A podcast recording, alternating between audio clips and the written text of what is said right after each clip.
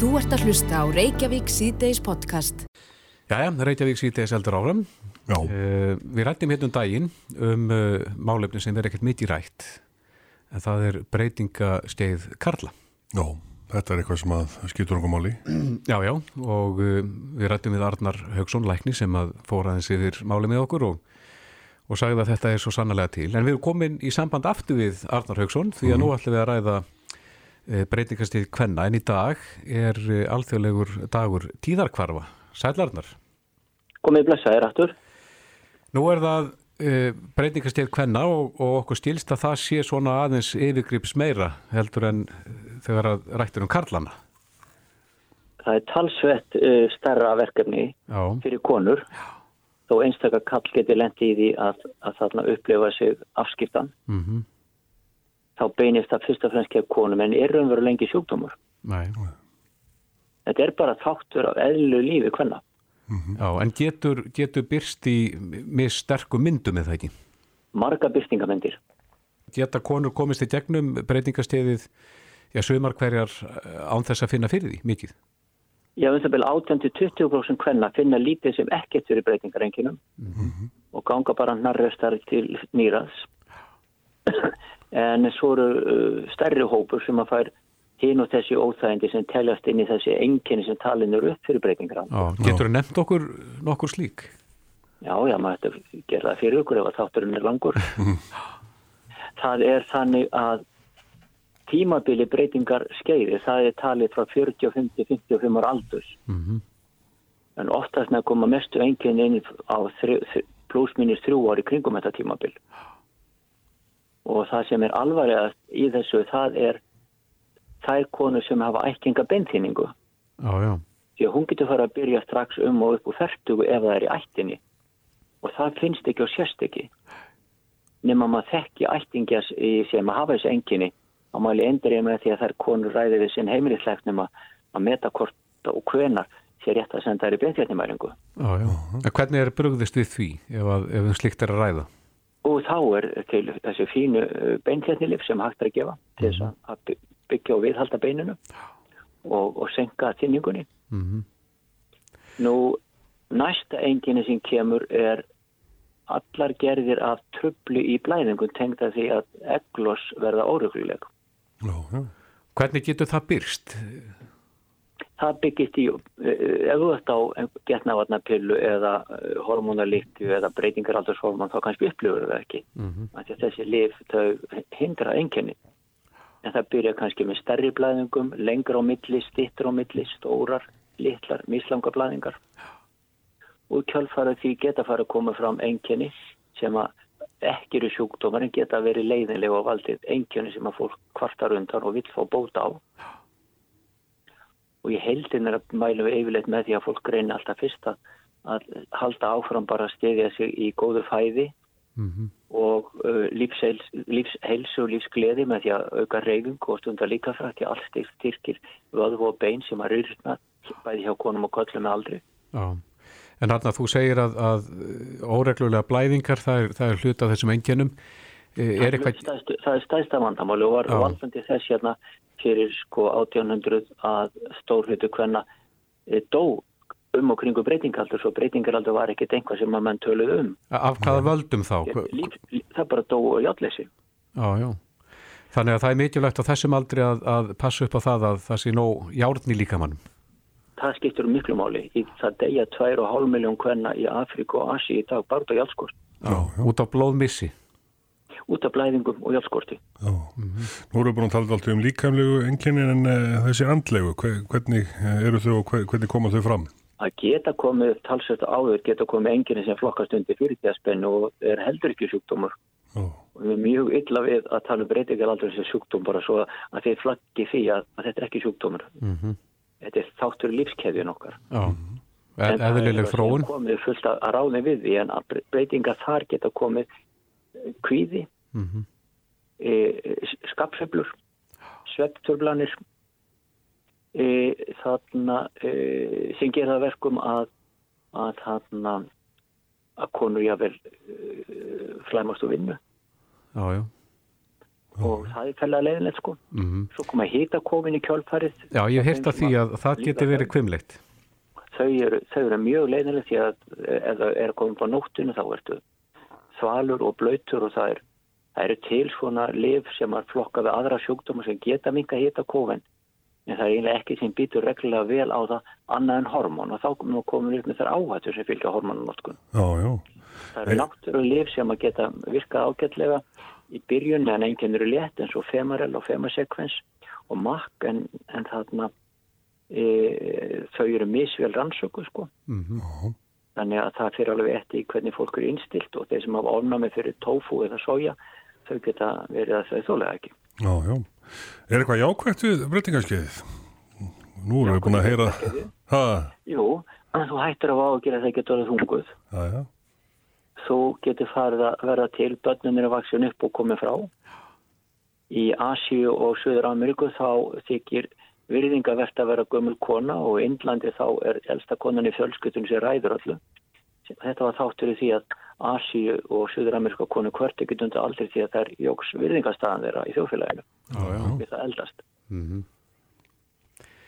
En uh, þú nefndir hérna áðan að konur sem eru á, á þessum uh, getnaðvarnar livjum eins og, eins og pillun og öðru slíku að þær finn ekki eins mikið fyrir Það uh, Óreglulegum blæðingum.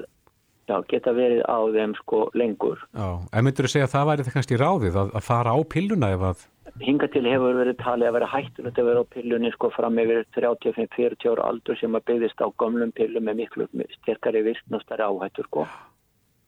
Svo var núna í tveim árum gerði uh, mjög þekktu finsku prófessor tilur með því að meðhandla koni til 55 ára aldurs mm -hmm. e, til þess að forðanum frá því að þurfa að breyti yfir í hormón eða fá blæðingar óruglu og í þeirri vona að þær minguðu enginni breytingarskeiðsins og byrsti þessa grein á Evrópuþingi í Þískalandi fyrir 2,5 ári sko. Já, og hver var niðurstaðan?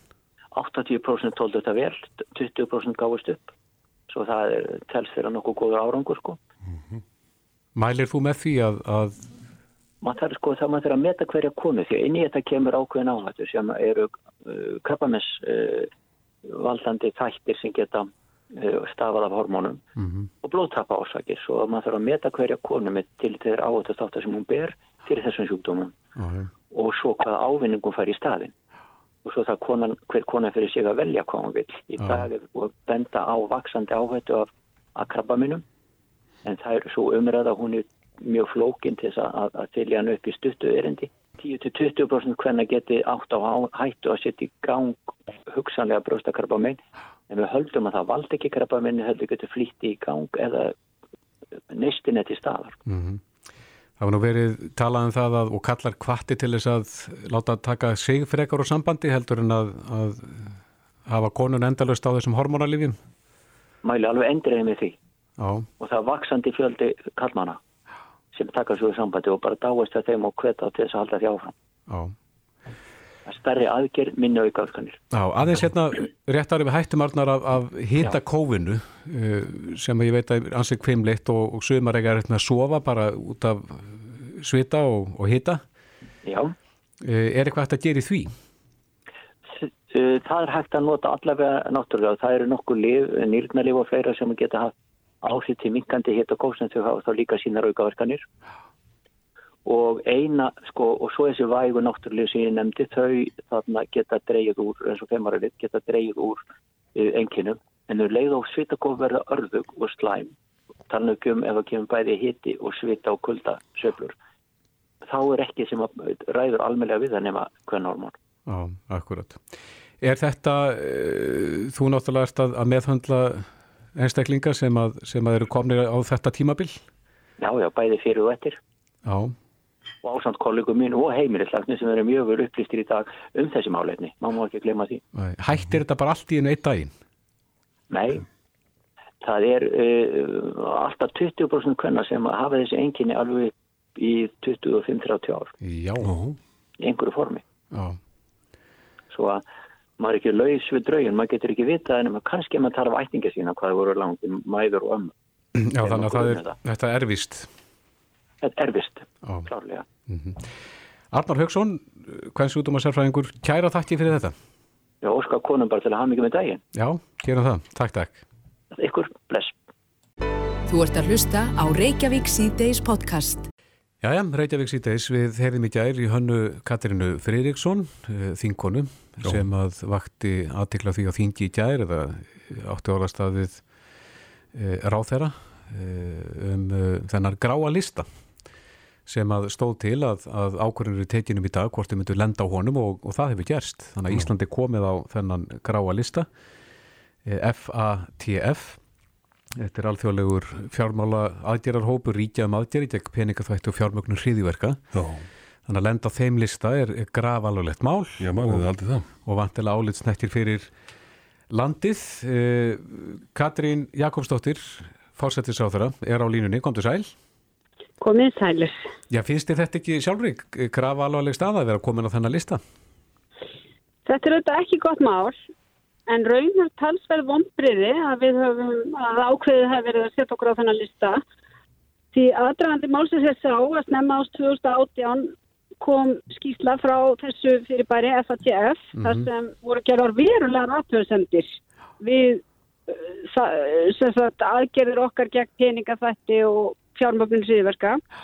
51 aðtöðsend og Ég get bara sagt það að þessi ríkistjótt sem nú sittur, hún er búin að setja þessi máli algjörðan forgang og svo staða sem var uppi núna áður en þessi ákvörðan var tekin er að við teljum okkur hafa í raun og veru klára 50 af þessu 51 atriði. Þannig eitt atriði stendur eftir og hvað atriði er það? Það er innlegging á tölvukerfi Mm -hmm. sem er hafinn en verður ekki lóki fyrir 2020.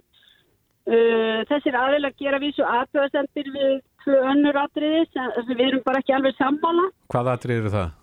Um, það var þar í raun og veru hvernig gangi að innlega reglur um raunverulegt egnarhald og annars sem var þar almanna heitla félög.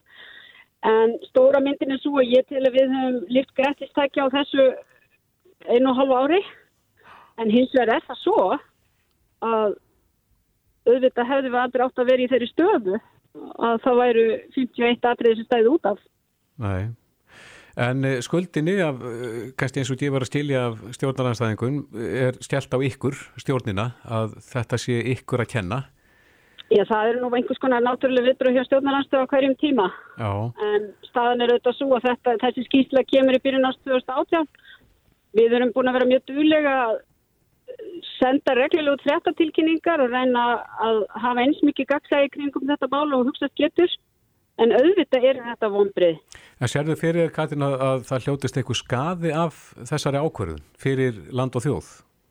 Já eins og bent hefur verið á í tilkynningu frá stjórnvöldum í dag uh, þá teljum við að þetta eigi ekki að hafa verulega áhrif. Þetta eru auðvitað orðspórsnekkir. En hérna... Við, við erum að lista með ekkert ákvæmlega físilegum löndum þegar það kemur að sko, tengslu við hýðiverk og annars líkt? Nei þess að segja, þetta er alvarlegt mál en við hins vegar teljum ekki endilega að það verði afleðingar sem fólk muni finna fyrir.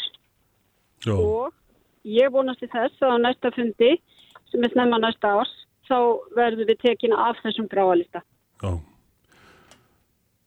En það er alveg rétt að þetta er ekki ákjósanleg staða. En, en hver er ástæðan að, að þínu mati? Það hefur trú að því að þetta eina atriði og þessi tvö sem að einhver áhöld vorum upp, upp um að, að það hefði stíft sköpum? Nú hef ekki, nú hefur þetta verið ábyrðið fjármála og dómsmálaráðunetti sem hafa annars verkstjórnina í þessu máli e, en ég ímynda mig líka að bara þessi staða sem var upp í byrjun ást 2018 uh, hún hafi kannski, ég menna það voru þetta mjög margar aðlöðsendir sem komið fram þá Mm -hmm.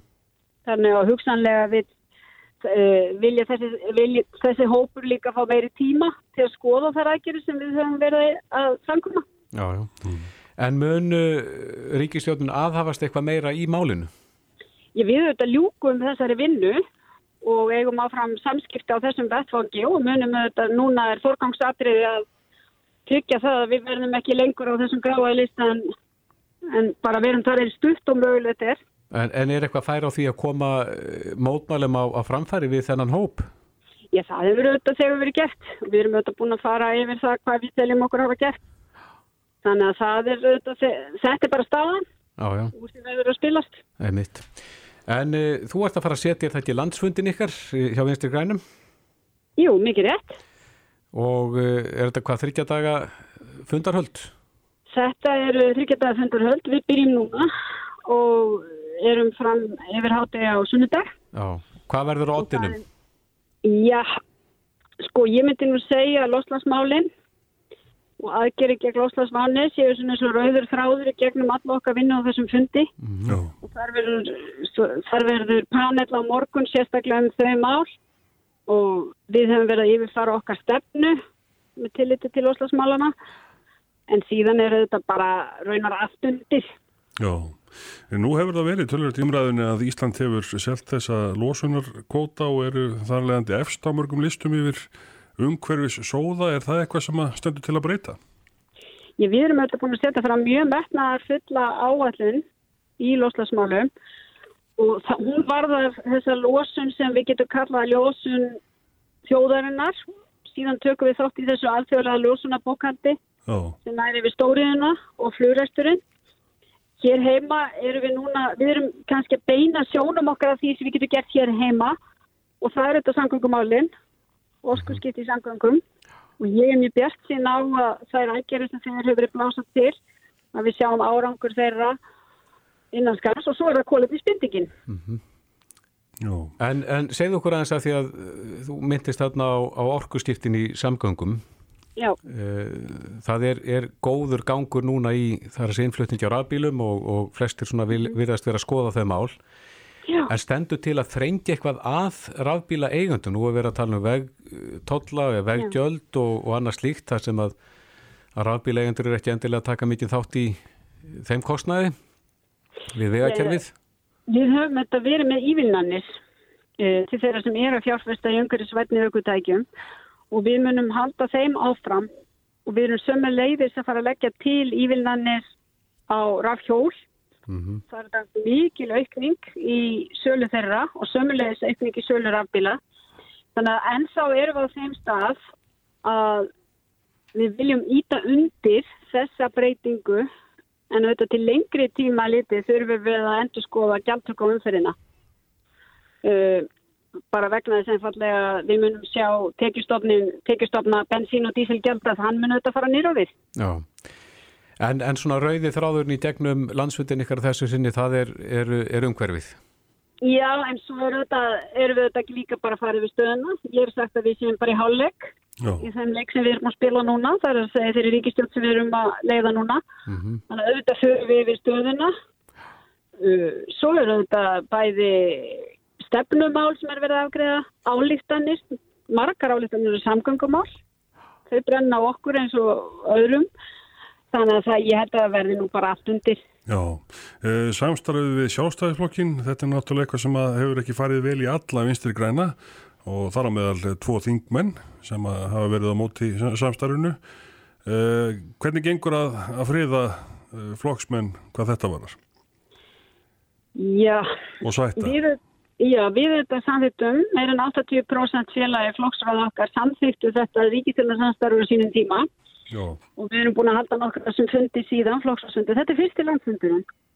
já, Þannig að nú gerst fólki færa á að sjá sína skoðun og fara yfir það hvort að telja við höfum náð viðunandi árangri. Áttu vona á hita? Já, ég er nú duglega funda eins og ég mögulega get og ég held að ég er bara á vona á góðum fundi. Já, En það verður auðvitað bara að tala tæpitungulaust eins og alltaf þegar við hittumst. Já, akkurat. Já, við segjum bara gangi ykkur vel að fundum helgina. Katrín Jakobsdóttir, formaður Vinstri Græna og þeirra. Kæra þakkir, góða helgi. Kæra þakkir, takk sem er leiðis. Bless, bless. Bless. blæs. Reykjavík síðdeis á Bilginni podcast. Reykjavík sýttiðis á bylgjunni í fréttablaðinu morgun og uh, inn á vísi.is má finna frétt þar sem segir að um 80% þingkvenna verði fyrir kynbundnu ofbeldi samkvæmt nýri rannsók sem gerð var meðal kvenna sem starfa eða hafa nýlega hætt störfum á alþingi. Já, 80%. Já, rannsóknir var lögð fyrir 33 konur í mæi á þessu ári og var svar hlutvall 76%. Niðurstöður þessara rannsóknar koma fram í nýri bók, doktors Haugs Arþórssona sem kemur út í dag. Mm -hmm. Það kemur líka fram að, að karlmenn voru ekki spurðir af þessu sinni. Nei. En Ragnar Árnáttóttir, skrifstofustjóri Alþingis er á línu, kom til sæl. Kom í sælir. Já, þetta hljóta að vera alvarleg tíðindi? Jú, mjög svo. Hérna, manni verður ekki vel við að, að, að fá svona fréttir en þessar tölur svona, já, þessi svona, já, þetta, það sem þetta sínir er kannski línu við uh, aðra rannsóknir sem að, að hafa verið byrtar. Það var hérna í, í februar, uh, var nú, hérna, MeToo fundur stjórnmálaflokkana, þá voru yfir kynnta líka svona sláandi niðurstöður. Já en það þarf alveg klárlega að afla fleiri, fleiri gagnum þetta og frekari. Já, e, sérðu fyrir að svo vinna fari af stað e, á alþingi að, að frumkvæði e, þá skrifstofustjórans? Já, ég vildi að ég geti sagt já við því en, en svo vinna er þegar farin af stað já. og uh, fórsetist nefnd uh, hefur þegar ákveðið og ákvað það fyrir nokkru, ákvað það í vorað að eh, fara að ráðast í uh, rannsók sem að tæki þá bæði til þingkvenna og þingkarla og líka til starfsmann alþingis og að þetta er því rannsók um, um, hérna, svona, um, um starfsumhverfi um, umhverfi hérna á alþingi mm -hmm. og þá erum við að tala um bæði svona ádeldi og áreiti og ímislegt annað. Þannig að Og, og það er líka mikilvægt, það er mikilvægt á, á, á hérna að eh, bera saman auðvitað starfsumhverfi hérna í alþingi við starfsumhverfi annara þjóðþinga en svo er líka mikilvægt að bera starfsumhverfið hér saman við, bara starfsumhverfi vinnustada á Íslandi. Já, akkurat. Þannig að það en... verður leitast við að finna út úr því að, að, að, að haga rannsóknir þannig að við fáum slíkar niðurstöður.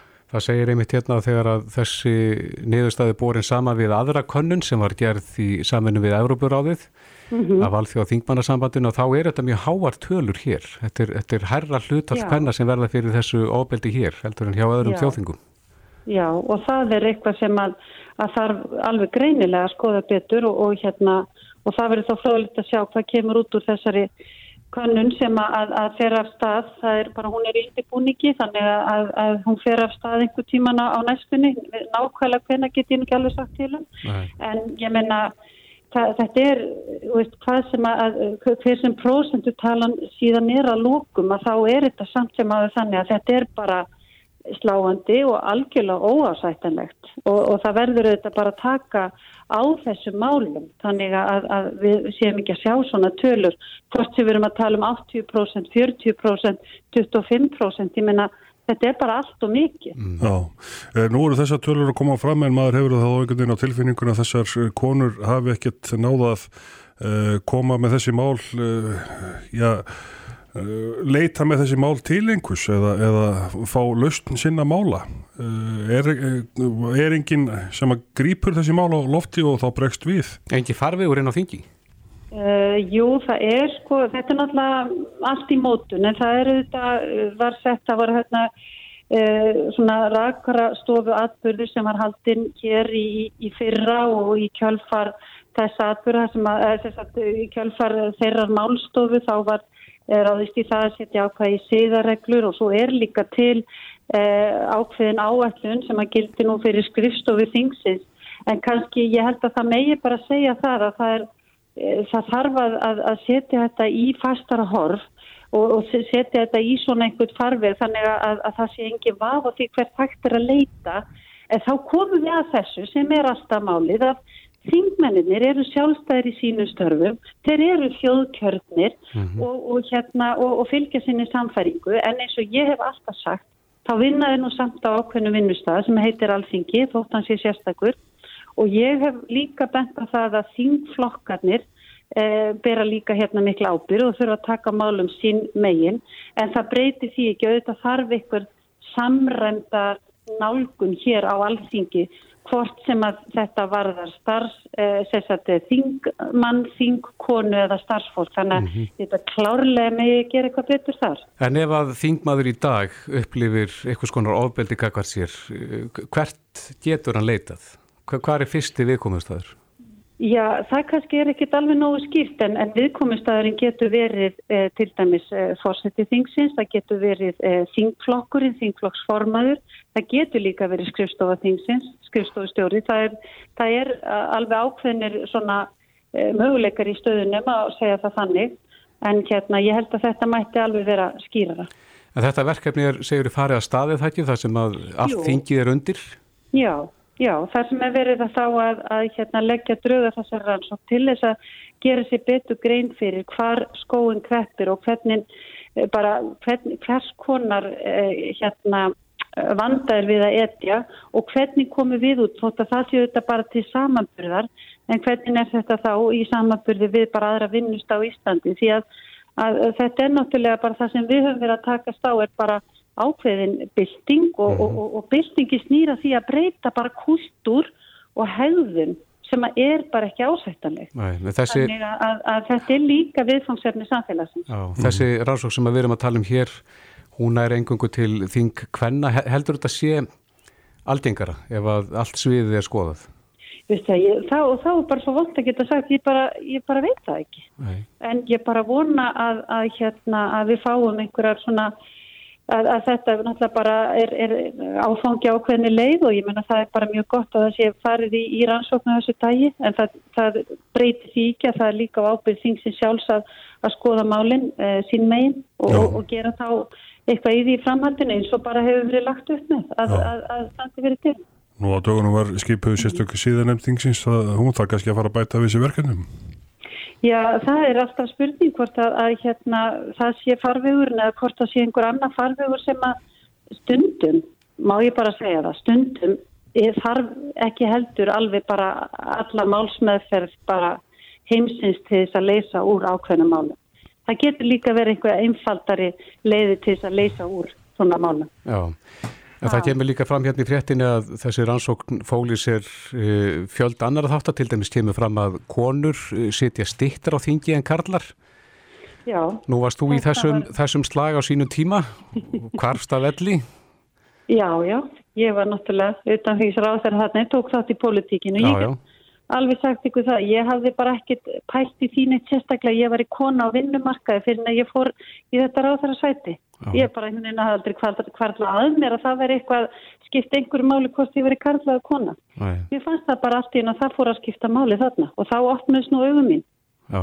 Þannig að þú... Það hefði maður opnast aðeins fyrr. Já, en stíluru þetta sem sagt að, að konu sitt í skemur á, á þingi en karlar? Er, hver er þetta ástæðin fyrir því síðan? Nei, ég bara veit það ekki en ég menna þetta er þetta ákveðið umhverfi sem að, að mér finnst sko, þú veist, ég menna stjórnmála umræðan og samskipti stjórnmálamanna, ég menn þetta er þetta er svolítið harður heimur mm. ég myndi segja bara þetta er mjög harður heimur já, En þegar þú varst ráð þegar þá var mikil hiti í samfélaginu, það loguðu eldaransi víða Ég minn, já, já, jú, jú það gerði það og ég menna þetta var alveg, sko, hérna þetta var náttúrulega töff en ég menna Já, ég veit það ekki. Ég hef oft vestið fyrir mér. Er það bara þannig að, að þú þarf bara að vera með að vera ákveðin manngjörn til þess að taka þátt í, í, í, í stjórnmálum, hvort sem er í sveitastjórnum eða, eða alþingi. Menna, er það bara einhverja típur sem að þurfa að fara í þetta sem að bara þóla ákveðina ákjöf? Mm -hmm. Menna, og viljum við það? Viljum við ekki að sé svona aðeins breyður á hópur þá?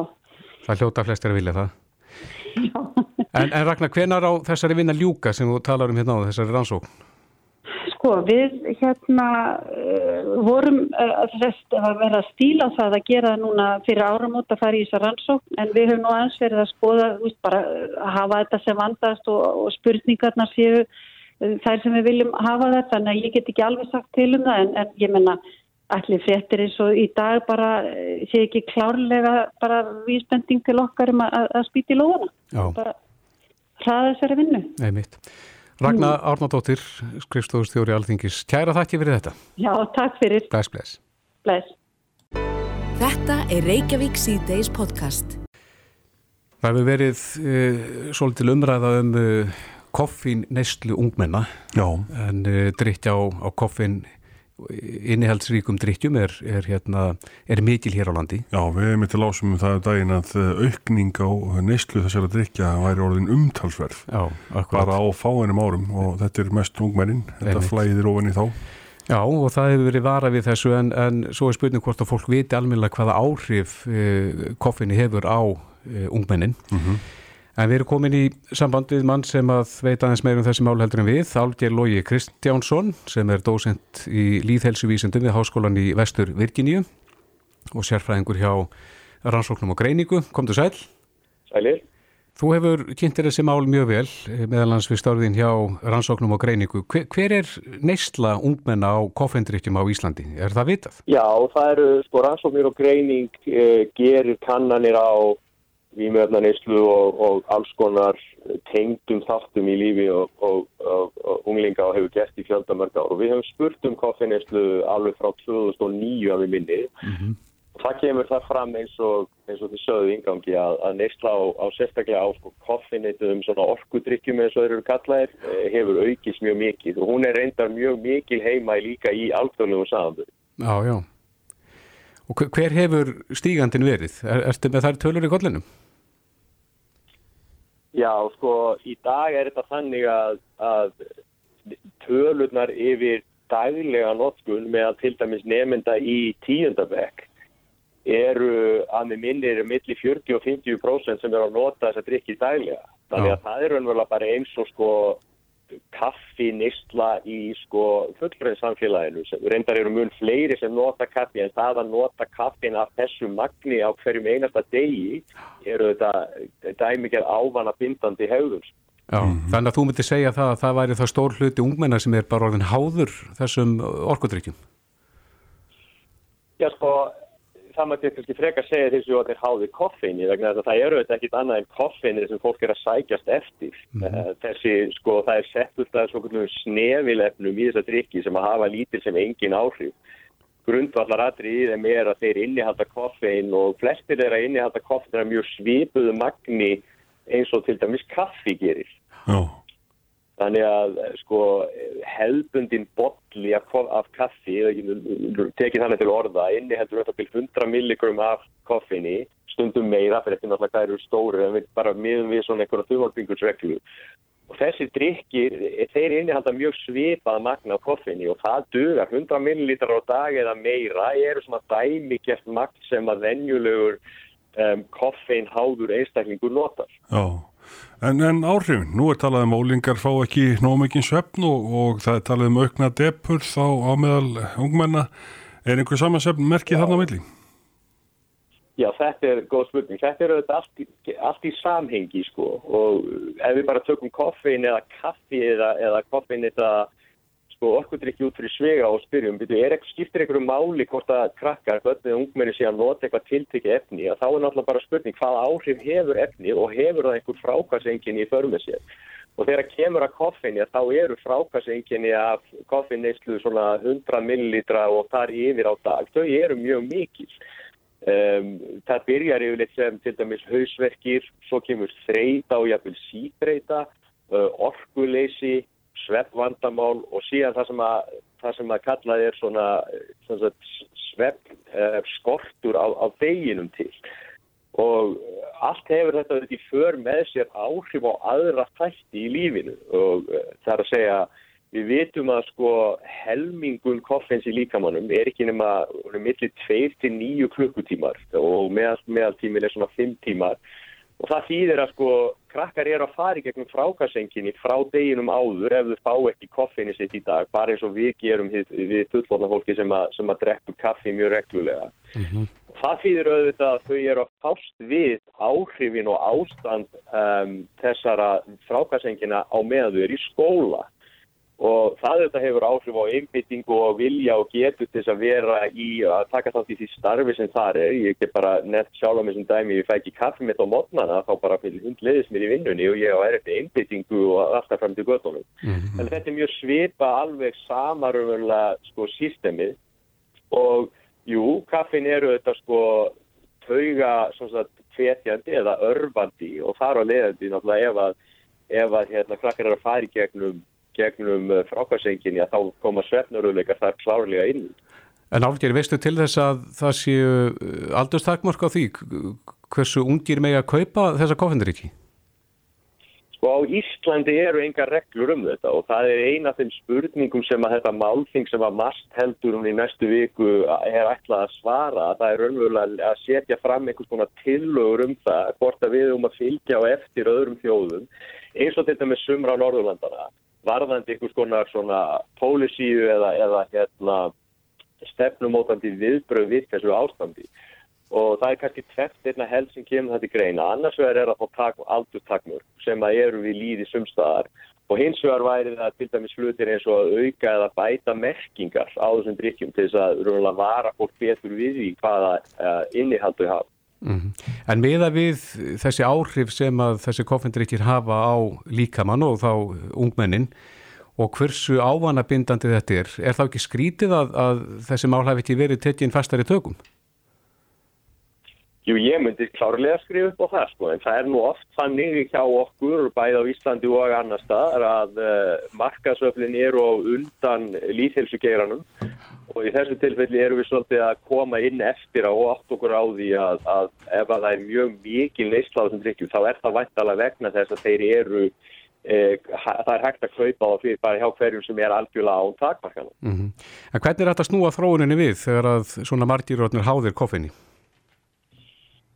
Já, það er góð spurning. Ég hef svona til að byrja með þá þurfum við að sammælast um það hvort að við viljum yfir höfuð setja ykkur á reglur um þetta, þetta, okkur finnst þetta bara skipta ykkur um áli. Það er að segja samfélagi þarf að, að ákveða það. Nú ef við erum saman um það að þetta sé ekki, ekki heitlamalið þróun, að þá eru þetta mjög eðlulegt að við myndum byrja til dæmis á því að setja betri merkingar á uh, umbúði þannig að fólk átti sig á því hvað er í þessum drikkjum. Við vitum að það eru sko krakkar niður í bara barn og ungi börn að drekka þessa drikki og síðan auðvitað að, að setja á fót einhvers konar upplýsingakerfi þannig að fólk átti sig á því að þú táður koffinni þá hefur það ákveðin áhrif á líði. Ég er ekki vissum að einhvers konar hreint bann myndi virka vel til að byrja með. Þá værum við með her, herfól sem væri að fara í gegnum erfið brákasenginni vegna þess að sko brákasengin af koffinni geta verið mjög alvarleg og þegar að fólk er orðið mjög háð koffinni þá geta þau varað upp í tvær vikur og fólk getur farið í gegnum raunverulega mýgrennis sko tímabill þegar það er að koma niður af, af miklu koffinni. Þannig að það er ekkit grín sko. Nei. En þið ætlið að, að þingum þetta segjur á þrýðudaginn kemur, uh, það er uh, matvalastofnun sem að rýður á vaðið og, og, og heldur þetta málþing og þú ætlar að, að fjalla þarna um svona þína sín á þessi mál. Já, ég ætla að fjallum, við höfum verið að gera heilmikið rannsóknum á þessu og tengdum þáttum eh, heima undanfærið tíu ár og, og við erum nú búin svo vel á Íslandi að, að vera með professor í háskólinni Reykjavík sem heitir Jack James sem er nú einn af svona frumföðlum í koffin rannsóknum á heimsvísu. Mm. Hann var að skrifa um þetta sko fyrir 30 árum og er enda á aðið í dag og um, þetta, eh, við höfum sínt í okkar rannsóknum að, að, að því ég er að segja núna sko stend, stendst alveg skoðu þegar við skoðum þetta í gögnum. Við sjáum til dæmis að krakka sem að nota mikið koffin, þau eru klárlega mun, eiga mun erfiðar uppdráttar í skóla og þau sofa ver og þau eru líka líkleri til þess að fara út í annars konar, annars konar lífstíl sem eru óæskilugur. Mm -hmm. Þannig að það er gæti að byrja kannski á heimilum barnana að fóreldra fylgjast með hvað börnin er að láta ofan í sig. Já, ég myndi segja að það væri sniður og góðu, góðu punktu til að byrja á. Já, akkurat. Eh, kæra þakki fyrir þetta, Álger Lógi Kristjánsson, dósend í Líðhelsuvísundinu Háskólan í Vestur Virginíu og sérfræðingur hjá Rannsóknum og Greiningu. Kæra þakki fyrir spjallið. Kæra þakki. Hlustaðu hvena sem er á Reykjavík C-Days podcast.